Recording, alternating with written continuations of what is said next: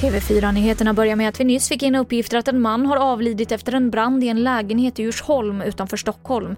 Polisen misstänker mordbrand och ingen person är ännu gripen. Svensk forskning hotas när miljarder kan försvinna eftersom att aktieutdelningarna uteblir eller minskar på grund av coronakrisen, enligt SVT. Förra året fick Sveriges universitet och högskolor 5,5 miljarder kronor till forskning av organisationer utan vinstsyfte. Wallenbergsstiftelserna som i år troligen delar ut 2,5 miljarder kronor minskar sitt bidrag rejält.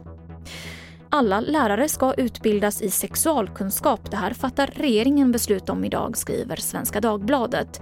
Idag är det bara lärarna för årskurs 4 till årskurs 6 som läser sexualkunskap. Men tanken är alltså att göra om lärarutbildningen så att det blir ett obligatoriskt ämne för alla. Och till sist ska jag berätta att en chef på Försäkringskassan får en varning efter att en anställd i Norrköping fått jobba för mycket. 40 dagar i rad utan ledighet ska den anställde ha arbetat. Det ska förvisso ha varit frivilligt men så mycket får man inte jobba utan ledigt. Och det var det senaste från TV4 Nyheterna. Jag heter Emily Olsson.